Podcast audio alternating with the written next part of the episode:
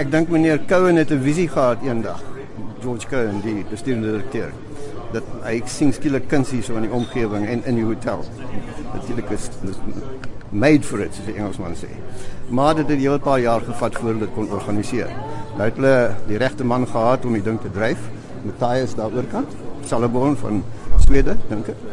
Ehm um, en hulle het ons toe ingeroep om die ding aan mekaar te sit. Waar begin mens om so 'n uitstalling saam te stel? Hoe besluit mens wie se kunstenaars, wat is die idee daar agter? Ehm um, ons het vir grys hare gegaan. Baie van dit grys hare. Ons wou van die avant-garde ouens van die 60s en die 70s wat nog werk hierso uitstal en ons wou jonger en nuwe name gehad het wat klaar 'n verwantskap met die Saxon het. Die Saxon het 'n redelike groot versameling daar in die villas. Ehm um, en baie van die kunstenaars wat nou vandag hier is se werk hang daar. So ons wou hulle ook 'n kans gee om die res van die omgewing versprei te word. So dis nie jou gewone tradisionele uitstalling nie. Dit is die hotel wou kuns, oorspronklike kuns in hulle omgewing uh, inbring sonder dat dit lyk asof dit 'n uitstalling is op esels en en plints en goeders, weet? En dis iets wat mense dadelik opmerk. Ek het nou toe ek uitstap hier buitentoe, dit lyk asof dit nog al die jare deel is van die hotel. Dis fantasties, want dis wat ons wou regkry. Maar terselfdertyd die werk is te koop. Kunstenaars wil die werk verkoop. Uh, dis inkomste. So dit moet lyk asof dit pas en tog moet dit 'n uh, must make it own statement, weet? Nie net is dit 'n groot verskeidenheid van kunstenaars nie, maar ook verskillende genres. Ja, uh, ons het so 'n melange geskep, so 'n mixed bag. Maar ons het probeer struktuur te hou, trying to keep it cohesive. Ehm um, so dit lyk asof alles pas, veral in die Euro-ethnic ehm um, atmosfeer van die hotel met sy neutrale palet. Ehm um, wil ons ook vir mense wys dat jy kan bietjie wild word, weet? Jy kan iets abstrakt daarso sit, baie kleur en dit gaan werk. Ehm um, maar ons het hoop als pas.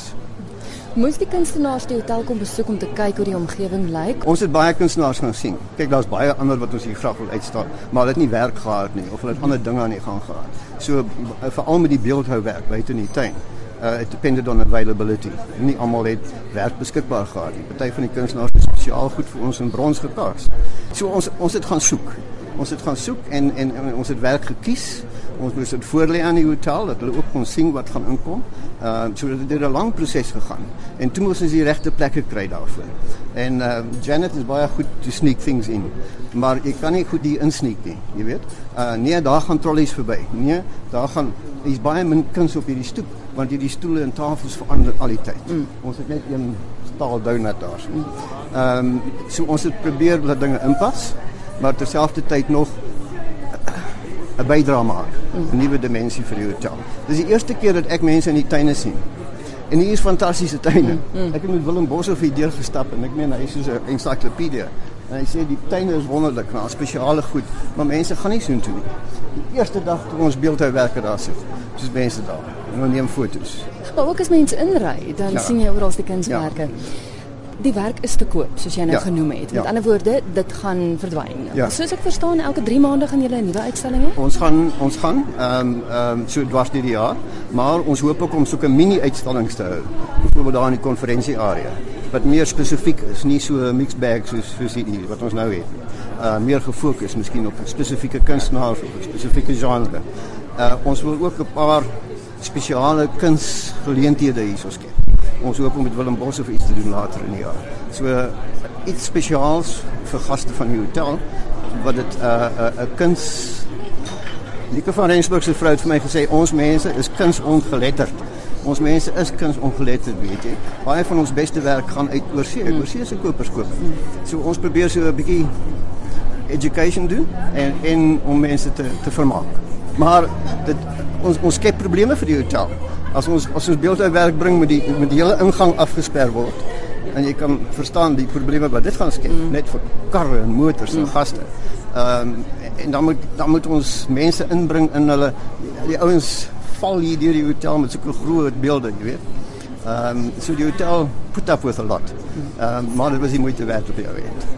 Een van die kunstenaars wat hier uitstal is Nico van Rensburg en ons staan nou by een van sy werke, dis in een van die sitkamergedeeltes hier by die Saxon.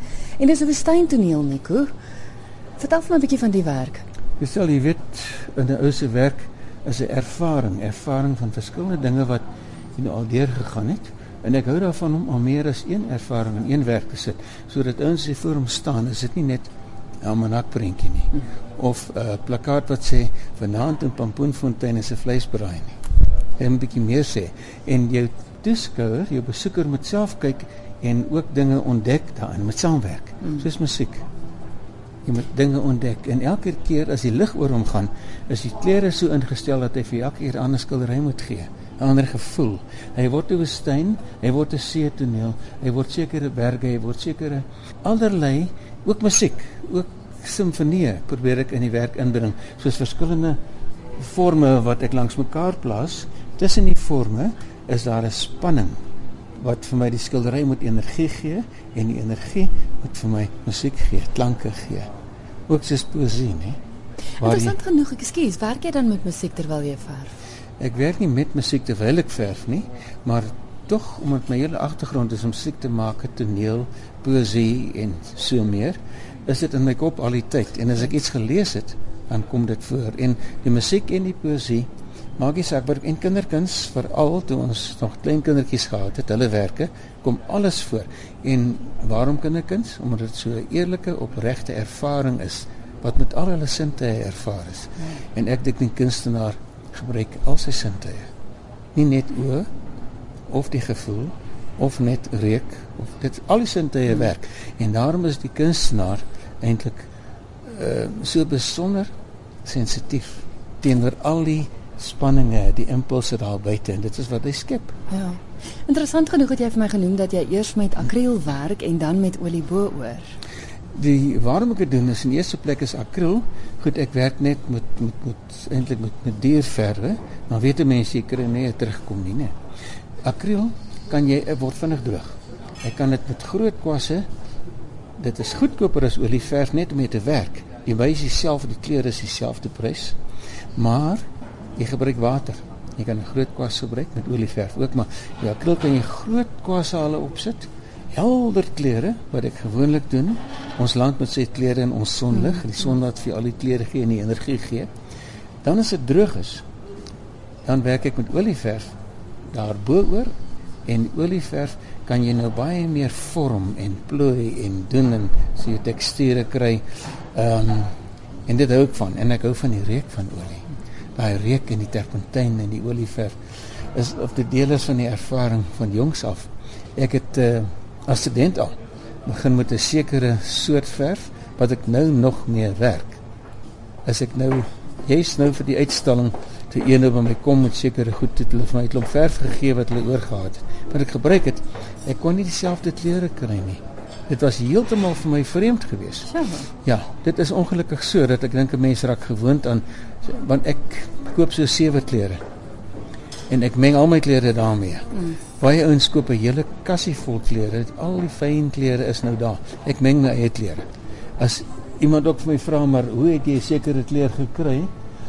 Dan kan ek probeer sê, maar ek weet nie altyd nie werk gevoel. Dis vir al die intuïsie, dis vir al die onderbewussyn wat in my werk deurkom. Behalwe my opleiding wat akademies was. Suiwer tekening, suiwer verf, elke ding beplan destyds en ek moes by kinderkuns leer hoe werk spontane werk. Hoe kom dit? Jy sien jy meng al jou klere self. Uh, sal jy byvoorbeeld die kleur wat daar is, daai oranje, sal jy hom weer so kan kry? Ek sal hom waarskynlik weer kry, maar gaan bietjie verskil want jy sien daar is die verskillende oranjes op daai ene ja, en daar weer. Ja. Dan kom daar self pinke deur, daar mm. kom gele deur, daar kom bloue deur, want die blou die komplementêre van mm. wat hom werk. Alles is sag, alles het byne pastelkleure. En dan daar waar 'n kontras in weer. Ons land het mos sy skerp son wat gewellige kontraste gee. Byne wit, byne swart. Ja. Maar dan is ook daai sag kleure wat so deurkom. En dis ons land, sy tekstuur, sy kleurgebruik is heeltemal anders as wat jy oor see sou kry. Op my studies oor see veral kon ek nie werklike skildery maak wat vir my lekker was nie. Want goed, suide Frankryk sekere dele van Spanje en so, dan is daai helder lig daar, die wit is daar, die pragtige kleure is daar, maar ons sonlig is anders. Hmm. Ons hele tekstuur, ons hele land en ons kontraste, ons mense. Jy weet ek praat nie politiek nou nie, swart wit nie, Mm. Maar dit is daar. Ek meen Johannesburg teenoor Hermanus sê maar hmm. op die Kaap is heeltemal iets anders 'n ander wêreld. En dit is ry maar net deur die Karoo. En die Karoo die wonderlikste kleure en geure wie kan omdink mens moet net afklim kyk. En dit ervaar jy weet. En dis die mooiste. So vir interessantheid wat is die sewe kleure wat jy koop? Ek koop die primêre kleure. Dit is natuurlik jou rooi en jou blou. En dan het jy geel. Mm -hmm. Geel is vir my energie. Rooi is passie. Soos wat jy nou aan het nê nee, jy besef dit nie altyd nie. En dan natuurlik jou bloue jou groen is die sagte kleure wat jy mee werk. En swart wit koop ek ook altyd. Nou baie kunstenaars sê swart wit is nie kleure nie. Dis die kleure in jou wit is die mengsel van al die kleure mm. gee vir jou neutraal en die laboratorium word dit na wit toe verwerk. Swart is die wegneem van kleure daarom is dit vir my moeiliker om in die aand met kleure te werk in die dag soos dit nou is, die sonlig van ons land gee my daai kleur. Mm. Alles is kleur en kleure gee klanke. Kleure gee vir jou 'n uh, gevoel soos ek net nou gesê het, die passie en die energie, die spanninge en skep atmosfere en skep atmosfere in 'n kamer, 'n vertrek wat geverf is sekere kleure. Dit weet jy, ervaar elke dag. So kry ons in die straat ons rooi Ons kry ons groen, ons geel by die ons robotte net die verkeersligte. Alles werk met kleur en dit is my baie belangrik. Alles is kleur. En dan die laaste twee kleure wat jy koop?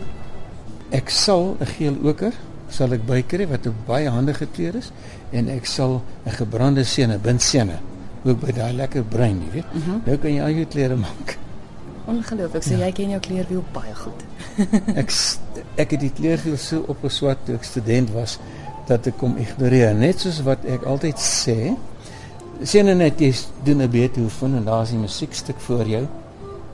En die ouetjie kom dit ek kuns weer sê dit baie kere is mense beoordeel.